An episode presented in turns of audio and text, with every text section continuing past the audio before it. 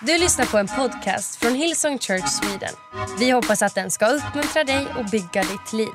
För att få mer information om Hillsong och allt som händer i kyrkan, gå in på hillsong.se. Vi är på Johannesberg, några mil norr om Stockholm. Det här är min oas eh, dit jag flyr och åker och njuter av att vara så ofta jag bara kan. Jag älskar naturen, jag älskar att vara här, jag älskar alla djuren, jag älskar ensamheten och det jag gör tillsammans med kamrater här. Och, Ehm, jag är god vän med han som är lantbrukare och bonde här och uh, har ibland hjälpt till uh, och hjälpa honom med olika delar av att växa saker här, grödor, allt ifrån uh, havre och korn och oljeväxter och vete. Och tycker det är fascinerande att se naturen och se Guds skapelse. Och, uh, varje gång jag är här så fascinerar jag oss över att naturen lever sitt eget liv. Den bryr sig inte om vad som händer i världen, den bryr sig inte om vad som pågår runt omkring oss. Utan naturen har ända sedan skapelsen en rytm som den följer. Och hela, hela skapelsen är skapad av Gud för en rytm. Vi kan läsa om det, hur Gud skapade i en rytm i, i början av eh, Moseboken. Och hur naturen fortsätter att leva i sin egen rytm. Och vill man samverka med naturen och få ut det som naturen har att ge så måste man följa den rytmen. Man kan inte forcera den. Man kan inte skörda på vintern och så mitt i sommaren. Eller man kan inte så mitt i vintern och skörda på hösten. Utan du måste följa den rytm som naturen har naturligt. Och om du gör det, om du förstår det, så kommer naturen alltid ge dig. Och åkrar och mark kommer alltid ge dig det som Gud har tänkt att den ska göra. Faktum är att det finns ett bibelord i eh, Predikaren eh, kapitel 11 och i vers 6 där det står så här. Så ut din säd på morgonen och låt inte din hand vila på kvällen. För du vet inte vilket som lyckas bäst eller om båda blir lika bra. Så Salomon han skriver att så ut din säd på morgonen och låt inte din hand vila på kvällen. Att så ut sin säd, det förstår de flesta av oss vad det är. Att, att så säd i marken som till slut ska kunna växa. Men att inte låta sin hand vila på kvällen talar om att skörda, att ta vara på, att göra det man kan på kvällen. Och hela berättelsen handlar om att det finns någonting som vi gör på morgonen och någonting som vi gör på kvällen. Och i ett samhälle som mer och mer forcerar oss till att välja sidor hit och dit och Eh, lever i ett antingen eller-klimat så är naturen värd att studera och värd att reflektera över hur naturen hela tiden pratar om en rytm. Att vi måste förstå olika saker sam samtidigt och samverka med det. Eh, Salomon han går vidare, han skriver om det några kapitel tidigare. I, I vers 3 i Predikaren så skriver han allt har sin tid.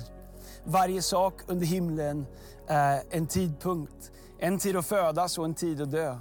En tid att plantera och en tid att rycka upp det planterade. En tid att döda och en tid att hela. En tid att riva ner och en tid att bygga upp. En tid att gråta och en tid att skratta. En tid att sörja och en tid att dansa. En tid att kasta stenar och en tid att samla stenar. En tid att kramas och en tid att låta bli att kramas. En tid att söka och en tid att tappa bort. En tid att behålla och en tid att kasta bort. En tid att riva sönder och en tid att sy ihop.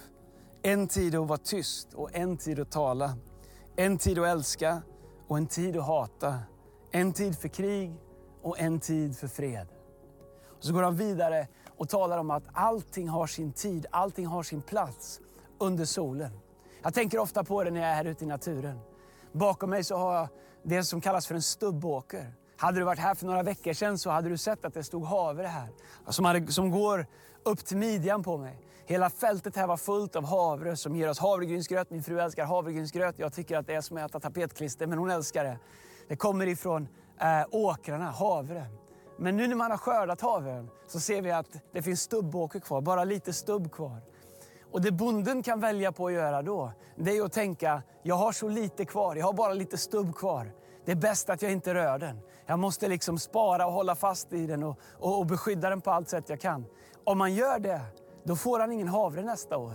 För om han vill ha havre här, eller om han vill så vete eller korn eller något annat, då måste han plöja den här åkern. Och faktum är att det ser ut som han går ifrån lite grann till ingenting. Om bara någon vecka så har han plöjt här och det kommer se ut som en leråker med såna här långa fåror i som ni ser på nyplöjda åkrar. Och faktum är att plöja upp en åker, att eh, vända jorden är absolut nödvändigt för att den ska kunna ge skörd igen. För om man inte gör sig av med det sista av den här stubben, minnena av vad den här åken faktiskt har bidragit till och vad den faktiskt har producerat. Om man skyddar minnet mer än att våga plöja den så kommer han aldrig kunna så igen. Bonden förstår att varje år så måste han plöja. Varje år så måste han ta bort de sista minnena av, de sista påminnelserna om vad den här åkern har gett. För att den ska kunna ge ny skörd, för att den ska kunna ge nytt liv. Så är rytmen i livet för oss också. Vi måste förstå att det finns en tid för att så och en tid för att skörda. För vår kyrka så finns det en rytm. I det som Gud kallar oss till att göra finns det en rytm på samma sätt som det finns i naturen. Och vårt uppdrag och vårt ansvar är det att försöka förstå vilken säsong vi är i. För ditt liv så finns det en rytm, för ditt liv så finns det en tid. Faktum är att det finns till och med tid man måste låta en åker få vila. Därför att man kan inte ta ut hur mycket som helst av den. Utan lite nu och då så måste man låta en åker få gå i träda och vila. För att den ska kunna återhämta sig och fortsätta producera.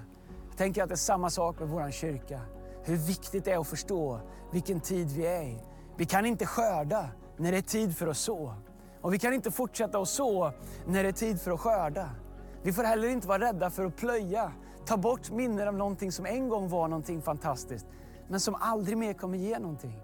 Den här stubbåken, den kommer aldrig mer växa någonting här på om man inte plöjer och sår. Därför så måste man ibland släppa taget om det sista för att kunna få det nya som det kan ge. Samma sak med Gud, samma sak med vår kyrka. När jag tänker på vart vi kommer ifrån och den säsongerna vi har varit igenom under de 16 år vi har funnits så har vi ibland varit jättebra på att läsa säsonger och ibland missat det. Men vi behöver Guds vishet över våra liv, du och jag var och en. Över våra enskilda liv, över våra familjer, över vår kyrka och förstå vilken säsong vi är i.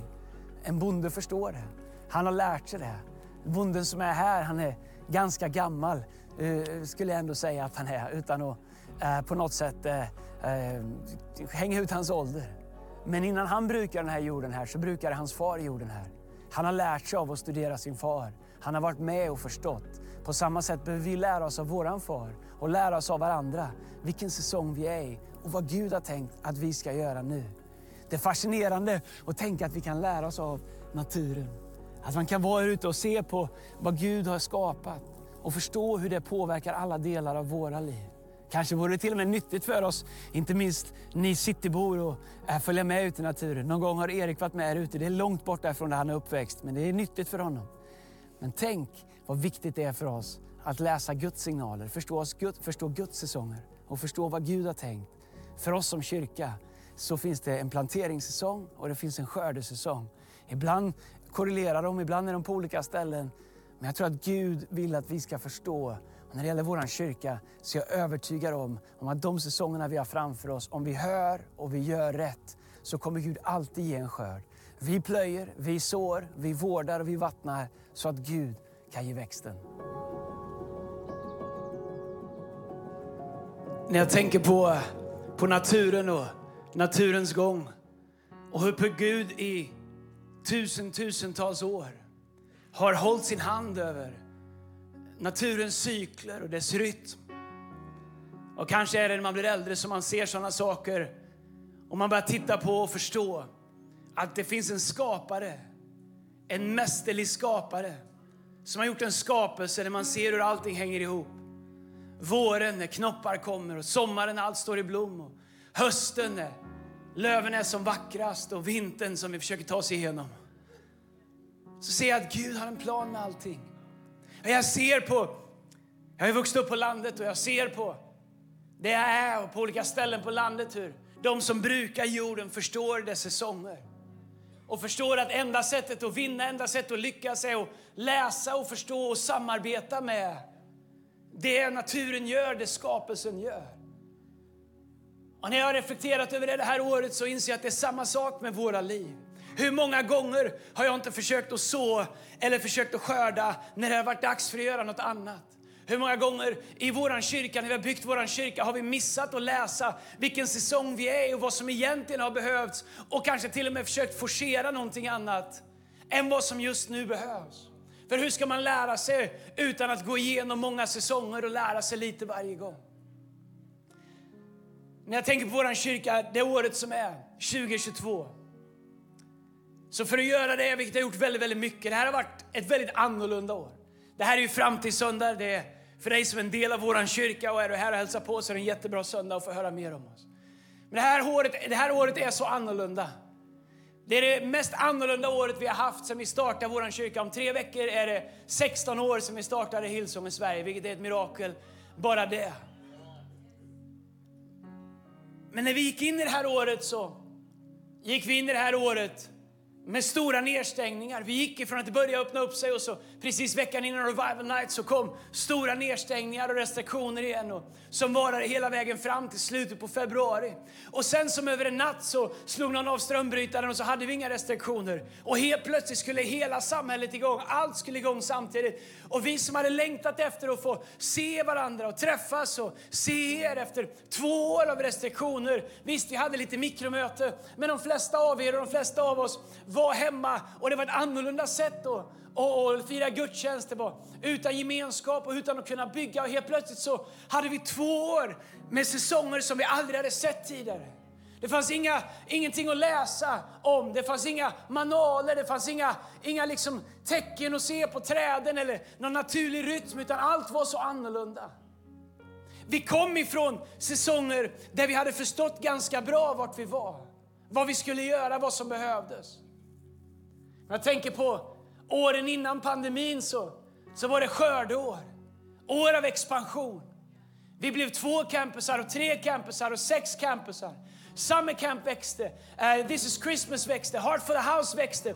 Vi skördade och skörden gav utmaningar för ladorna brast överallt och vi hade svårt att hålla ihop det. Men så är det i skördetid. Be inte om skörd om du vill att ladorna ska stå perfekt. Men sen kom pandemin. Och så skulle vi leda igenom det. Och många av er som ville vara med och tjäna och bygga Guds hus kunde inte det på grund av restriktioner. Och några av oss jobbade hårdare än vad vi någonsin har gjort för att försöka leda och pastor people. Och vi uppfattar ganska tidigt en kallelse från Gud för våran kyrka. Att göra allt vi kan för att leverera de bästa gudstjänsterna för att föda Guds lamm på det bästa sätt vi kan varje söndag. Vi la ribban högt. Och vi gjorde vårt absolut bästa, men inte bara för vår kyrka. Vi upplevde att Gud kallade oss att ha gudstjänster för hela Sverige. Och rapporterna har varit så stora om så många kyrkor och så många kristna som har haft våra gudstjänster varje söndag som någonting som har fortsatt att ge dem liv, ge dem tro och ge dem Guds ord. Vi upplevde att Gud kallar oss till att ta ett ansvar långt mycket större än bara vår kyrka. Men det var hårda år, det var tuffa år. Och de som kunde jobba, de jobbade hårdare än de någonsin har gjort. Och sen kom vi till slutet av februari 2022 när alla, eh, alla restriktioner försvann. Och vi tänkte, vi är ju ändå liksom Hillsong Sweden. Nu ska vi skörda. Nu blir det andra bullar av. Nu ska allt igång igen. Nu är det bara att trycka på play. Nu ska vi åka igen. Och kanske, eller definitivt, så missade jag att läsa vilken säsong vi var i. Därför att de här två åren som vi har av restriktioner, som ingen människa har bett om, som alla har gjort sitt bästa för att ta sig igenom, hade gjort någonting i vår kyrka och med samhället som var svårt att läsa eftersom vi har som mänsklighet aldrig varit igenom det i modern tid tidigare. Och jag inser att det här året är inte ett år där vi bara hoppar tillbaks till 2019 eller 2018 när skördetröskan gick som varmast. Vi har döpt jättemycket människor det här året. Vi har vunnit jättemycket människor det här året. Vi har sett Gud göra fantastiska saker. Vi ska släppa ett lovsångsalbum som jag lovar det kommer gå runt hela jorden. Du har ingen aning om vad Gud kommer göra med det här, med de här lovsångarna som kommer ifrån vårt hus och som Gud har fött här. Så det är inte det att Gud inte gör saker. Men kanske gick vi in i mars och tänkte, nu kör vi. Men vi insåg att våra team var inte redo för att skörda. Vi behövde så in i våra team. Vi behövde så in i våra connect-grupper. Vi gör summercamp annorlunda i år. Den sista gången vi gjorde summercamp så var det på ett fullpackat Nyhem under en skördeperiod. Nu skulle vi göra det på ett sätt som vi aldrig har gjort det tidigare. För 2019 så fyllde vi Hovet två gånger utan problem. Partille Arena två gånger utan problem. Jag inser att vi är i en såningsperiod nu, vilket är bra. Därför att på sådd kommer alltid komma skörd. I år kommer This is Christmas bli något annorlunda. Men om vi tänker att vi bara kan luta oss tillbaks för skördetröskan går av sig själv så har vi fel. Jag tror att Gud kallar oss till att se att 2022 är ett år där alla som kan behöver vara med och så. Inte bara finansiellt, men så så på alla områden där Gud har gett oss ett uppdrag och där vi behöver vara ödmjuka och lyhörda och inte bara gasa där vi alltid har gasat tidigare utan fråga Gud, Gud, var är du i din cykel? Vart är vi i rytmen? Hur ser träden ut? Hur ser marken ut? Faktum är att en bonde lärde mig en gång att när björkarna får knoppar, när björkarna kroppas eh, på, på björkarna, då är det ofta cirka 10 grader, en decimeter ner i marken och då är det dags att så. Du förstår, en bonde, han har flera signaler som han tittar på för att förstå vart han är. Och vi som kyrka behöver bli ännu bättre på att lära oss att förstå Guds ledning, den helige Andes signaler av vart vi är och vilken säsong vi är i och vad vi behöver göra nu så att vi kan leva i ett kontinuerligt. Ibland kommer det vara så att vi sår på vissa områden och skördar samtidigt på andra områden. Allt är inte statiskt. Men jag älskar naturen. Jag älskar att se hur, hur den inte bryr sig om vad som händer i världen. Den bryr sig inte om, om vem som är president, den bryr sig inte om vem som vinner SM-guld i vilken sport det nu än är. Den bryr sig inte om vad den mest populära åsikten är för tillfället. Den bara följer sin rytm. Den bara följer sin skapares ledning. Den bara existerar i det skapade som skaparen har gjort. Jag, vet, jag tror att det är samma sak med Guds församling. Jag tror att det är samma sak med våra liv. Vi är skapade av Gud. Och jag inser de sista veckorna att en av de mest provocerande sakerna som finns i Sverige just nu är att tro att Gud har skapat jorden. Det verkar vara något av det värsta man kan göra. Men även om vi lever i en sekulariserad sam, eh, sekulariserat samhälle som tänker att vi har skapat det här så kan jag bara få föreslå, vi får inte solen att gå upp på morgnarna hur, hur smarta vi än blir. Vi får inte träden att slå ut hur smarta vi än blir. Vi får inte skördarna att växa hur smarta vi än blir. Vi kan inte säga till himlen att regna hur upplysta vi än blir. Det finns en skapare, det finns en övernaturlig dimension som vi existerar i och som vi lever i. Och när vi som kyrka och vi som efterföljare till Jesus säger Jesus, jag vill följa din rytm.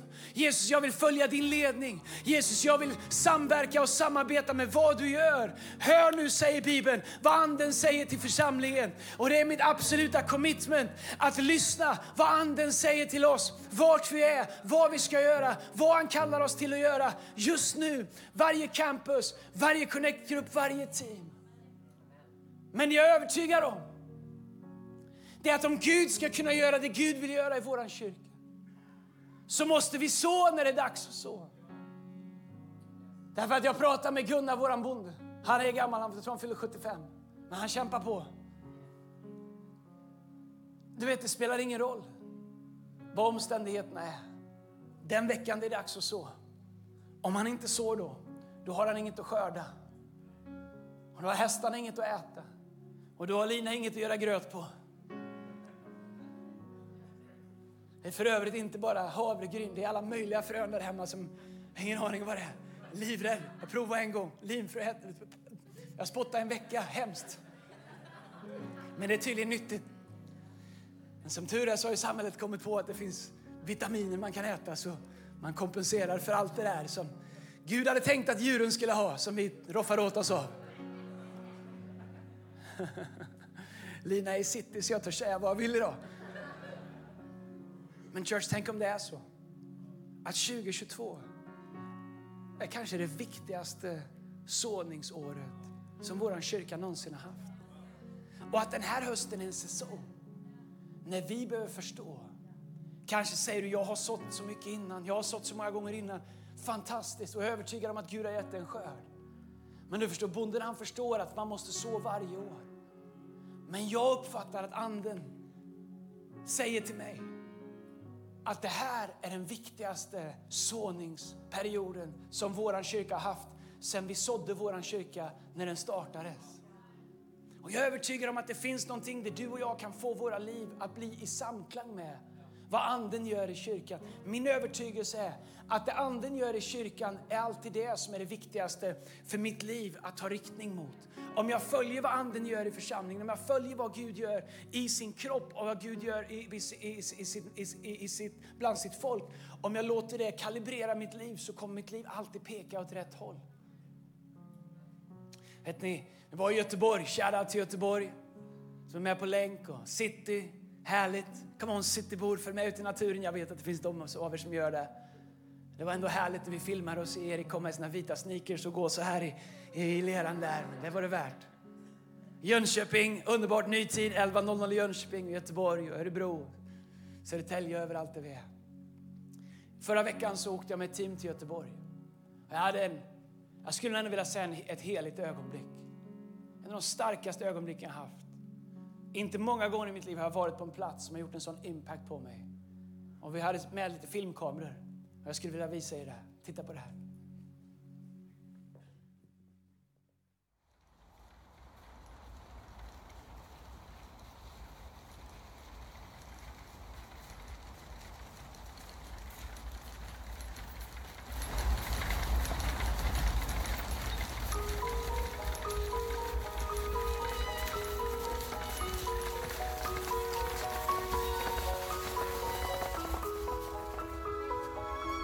Den 29 januari i nådens år 1746.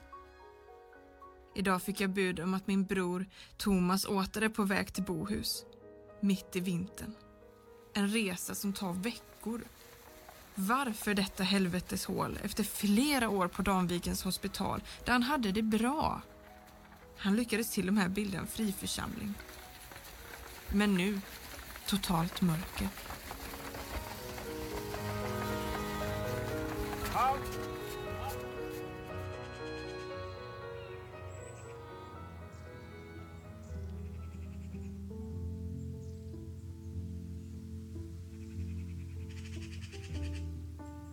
sitter här på Bohus fästning i, eh, på västkusten, bara eh, lite utanför Göteborg. Den här fästningen byggdes på 1300-talet och eh, har stått pall olika krig och anfall och Eh, blev ganska demolerad under 1600-talet. Den har fungerat både som ett ställe för, eh, eh, för att bevara vårt land, för att skydda vårt land i militära syften, men också som ett fängelse parallellt med det. Det som är fascinerande med det här stället och med den här fästningen. Jag har kört förbi jättemånga gånger. En av mina bästa kompisar bor på andra sidan älven här, så jag har sett det därifrån. Och jag har läst om det, men det är första gången jag är här. Anledningen jag har läst om det är att i ett av fängelserna här, i en fängelsehåla, faktiskt i den här fängelsehålan, um, som är ehm, um, 3-4 kvadrat, med en säng som är kanske 1,20 och en liten pall och en brasa. Där satt en man som hette Thomas Leopold. Thomas Leopold han uh, växte upp i början på 1700-talet när Sverige inte hade religionsfrihet. Uh, och uh, när kyrkan hade monopol på kristen tro och på hur man fick vara kristen. Till exempel så fick var och en som ville läsa Bibeln, men två personer fick inte läsa Bibeln tillsammans utan att en präst var närvarande. Det här var innan kyrka och stat skildes åt och kyrkan hade en enorm kontroll eh, över människor eh, med grova bestraffningar som följd. Thomas Leopold, när han var i Lund och studerade. Han fick ett möte med Gud. Han gjorde en Jesusupplevelse och blev otroligt radikalt hängiven till att följa Jesus. På ett sätt så det religiösa systemet inte visste vad de skulle göra med honom. Människor började bli frälsta. Och han var vad man kallar en pietist. Och, eh, någon som var väldigt eh, eh, noggrann i sin efterföljelse och väldigt hängiven. Och, eh, han uppmuntrade det som Luther hade börjat, att var och en kan läsa Bibeln. Att Gud tillhör alla, att man måste inte gå genom en präst. Och alla har rätt till Bibeln, alla kan lära känna Jesus. Och, eh, en renlevnads eh, filosofi kan man också säga när det kommer till helgelse och efterföljelse. Långt borta ifrån det som kanske var makt och strukturellt, eh, strukturell kontroll över samhället som kyrkan på många sätt eh, hade på den tiden. Det som hände med eh, Thomas Leopold var att kyrkan visste inte vad de skulle göra med honom. Människor började lyssna på honom, människor började vilja följa Jesus. Och han var revolutionär genom evangeliet, genom Jesu budskap, genom att ta det och ge det tillbaks till människor. Därför sattes han här på Bohus fästning eh, när han var Ehm, i 30-årsåldern tror jag. Och här satt han i, först i sju år, sex, sju år. Och han satt i en cell som den här. Och eh, när han satt här så hade han inte kontakt med någon. Men genom den öppna spisen i spisgången som gick upp till en cell som satt ovanför här så började han skicka lappar till en fånge som satt på ovanvåningen. Utan att någonsin pratat med varandra så började de skicka lappar till varandra och Thomas skickade lappar till honom. Så att han som satt där uppe blev frälst, tog emot Jesus. Vilket gjorde att de sa att vi kan inte ha honom här, vi måste få bort honom härifrån.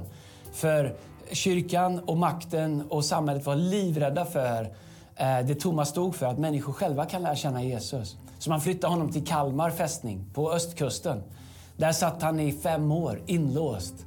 Även där blev det problem, för han fortsatte att vittna och ropa. Och varje gång prästerna kom för att prata med honom och få honom att avsäga sin hängivelse till Jesus så ropade han högt så att alla skulle höra vad han trodde och vad han stod för. Så man flyttade honom till Stockholm, till Danvikens hospital, vilket var ett mentalsjukhus där man satte människor, kanske inte riktigt på samma grunder som senare, men där satte man alla typer av människor. Men det som var med Danvikens hospital var att det var ju inte ett fängelse utan ett mentalsjukhus där Thomas kunde röra sig fritt. Så efter ett tag där så hade så många intagna blivit frälsta. Så många av vakterna hade blivit frälsta. Så det startades en liten frikyrka inne på Danvikens hospital. Där inne. Så makten och prästerna var helt förtvivlade. Vad ska vi göra med honom? Och de skrev till de högst beslutande eh, organen i Svenska kyrkan i Sverige hon sa vi vet inte vad vi ska göra med honom, vi måste låsa in honom. Därför att överallt där han är så blir människor frälsta och börjar själva läsa Bibeln och följa Jesus. Och det, man såg det som ett uppror, som en farlig eh, potentiell revolution mot den struktur som rådde.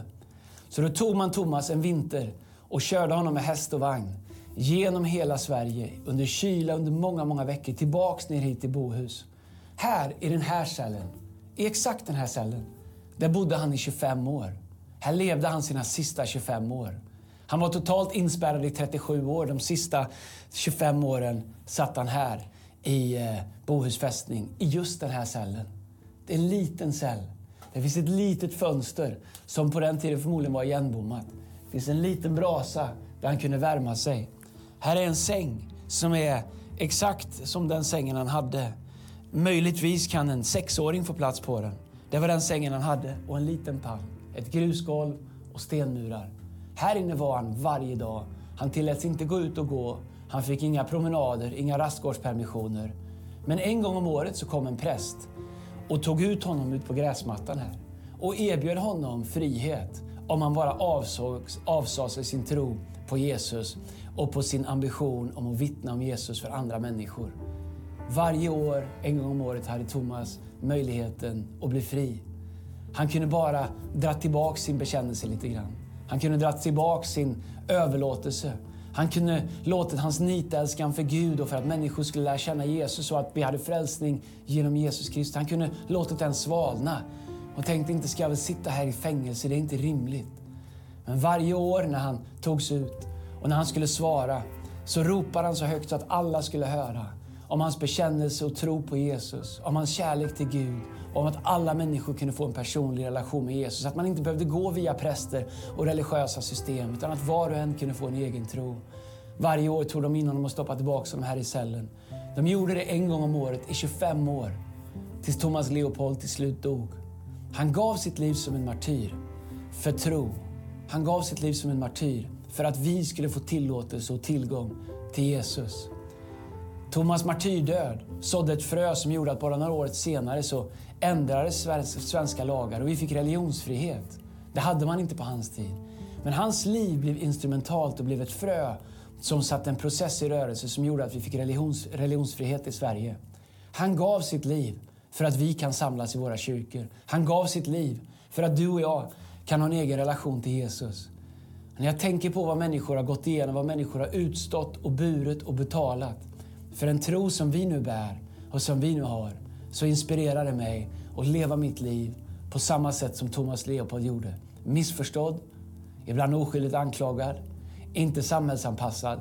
Men han bar en tro och han bar en skatt som gjorde det rimligt för honom att genomlida det här livet utan att vackla i sin tro på Gud och på det uppdrag som Gud hade för honom.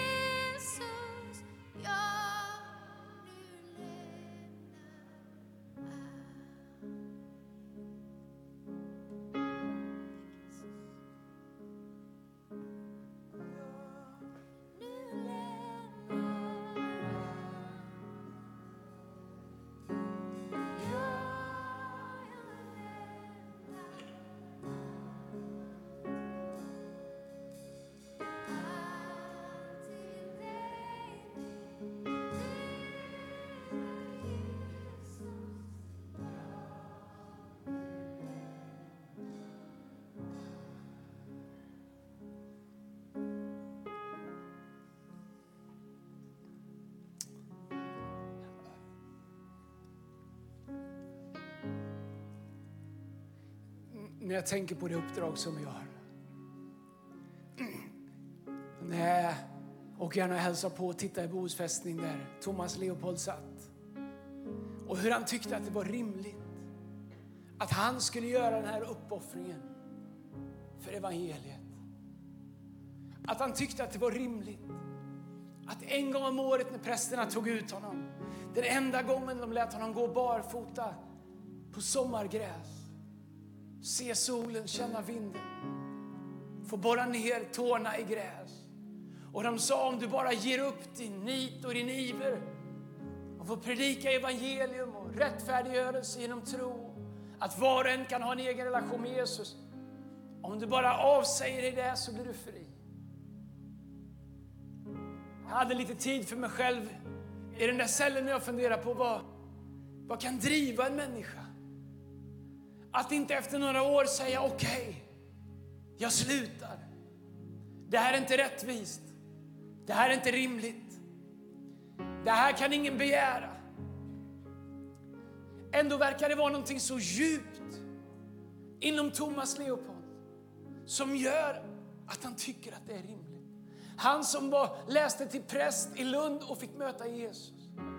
Jag vet att man säger att det är inte förrän långt senare som det första dokumenterade andedopet skedde i Elimkyrkan i Skövde. Men jag tänker att det är omöjligt att ta sig igenom den här perioden utan att ha den helige Ande.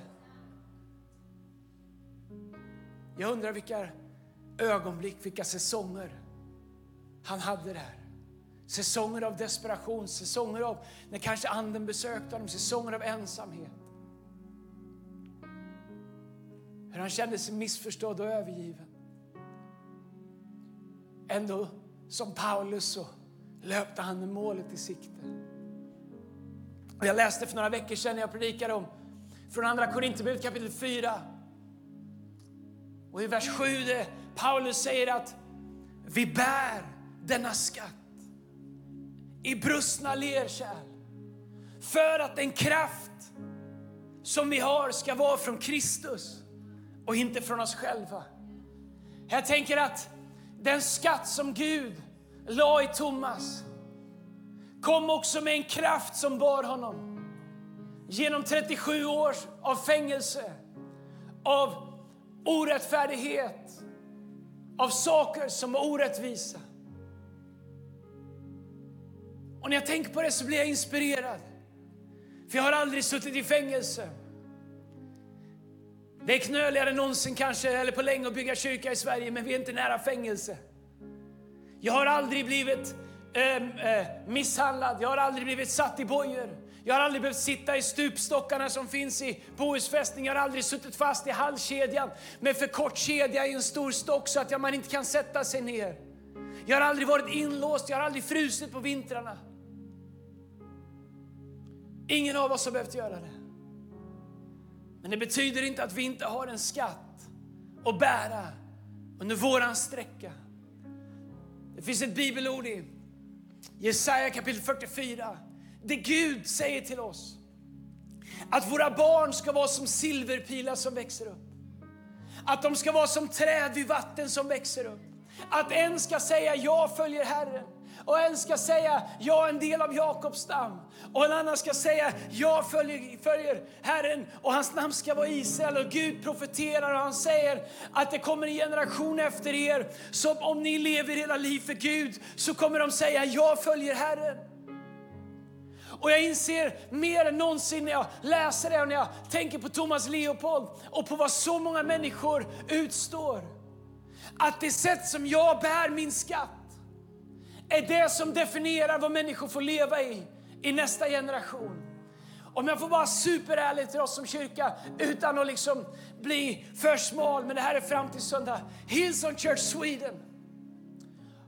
Om vi tappar våran skatt så handlar det inte bara om våran kyrka. Det handlar om vårt land.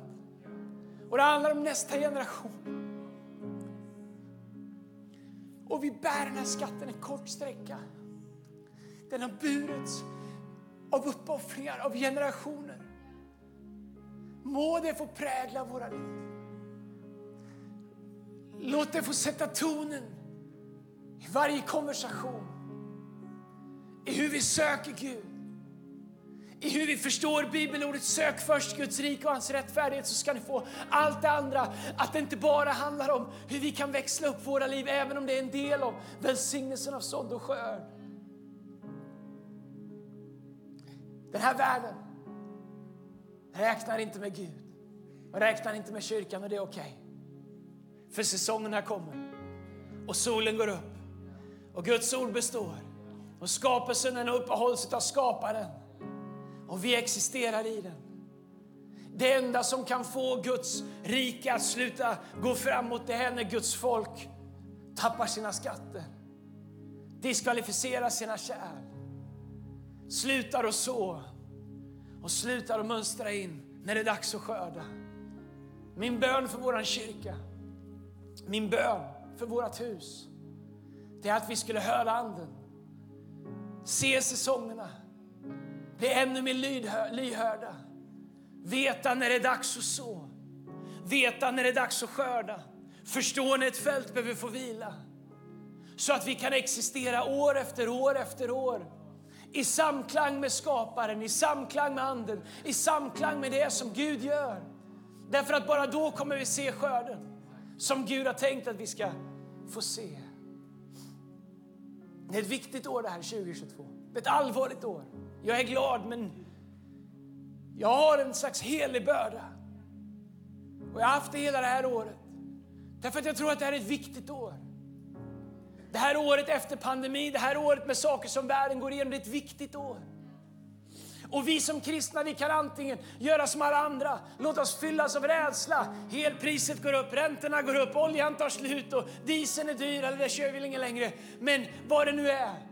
Och så kan vi dras in i samma rädsla och oro och låta våra liv krympa ner till omständigheter. Jag säger inte att de inte är på riktigt. Jag förstår att de har konsekvenser. Men lyssna, vi är kallade till ett större liv. Vi är kallade till ett högre liv.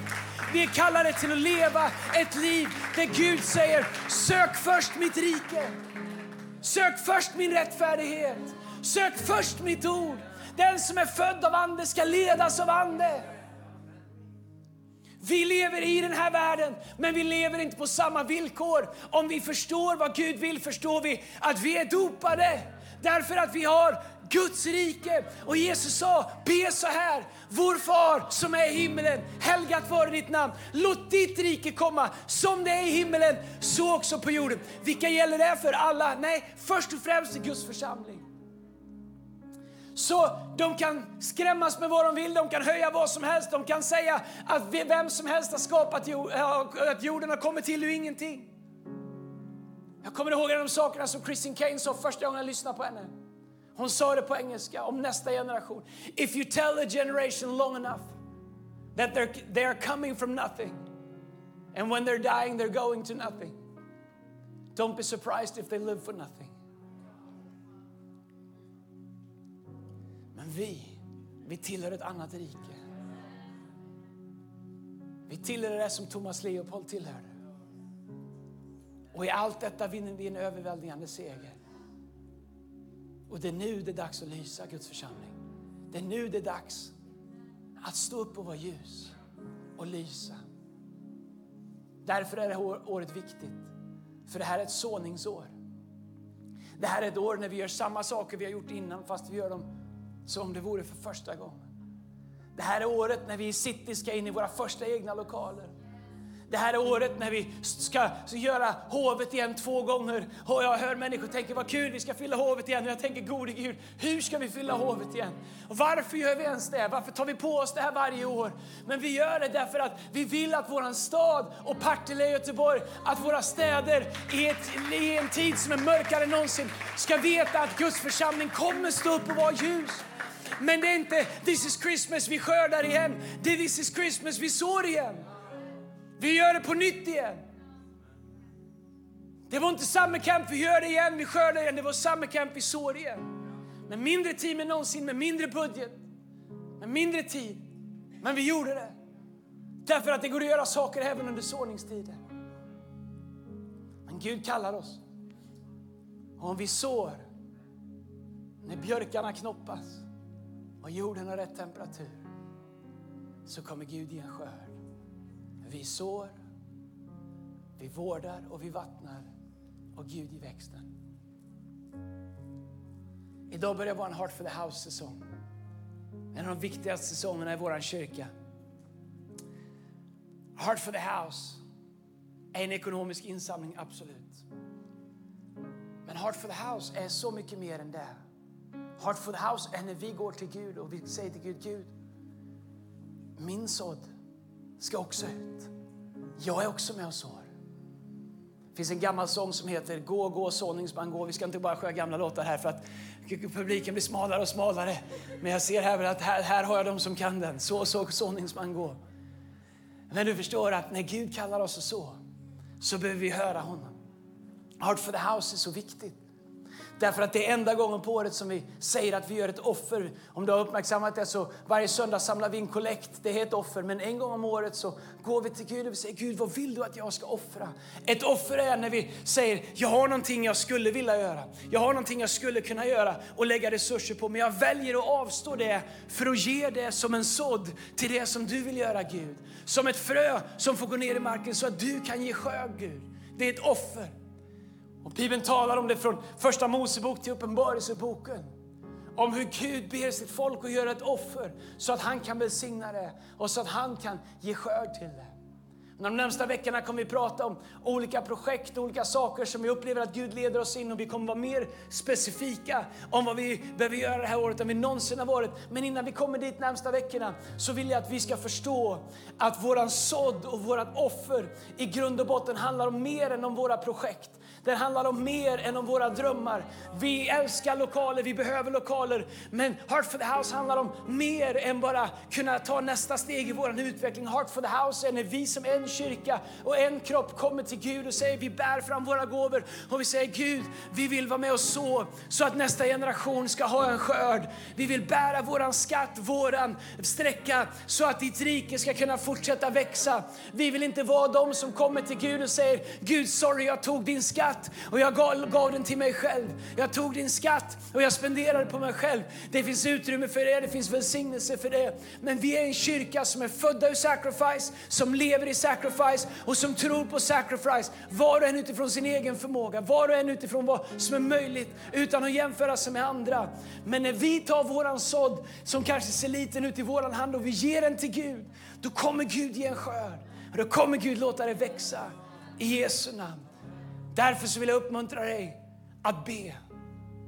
Sök Gud för ditt eget liv. Vad gör du med din skatt?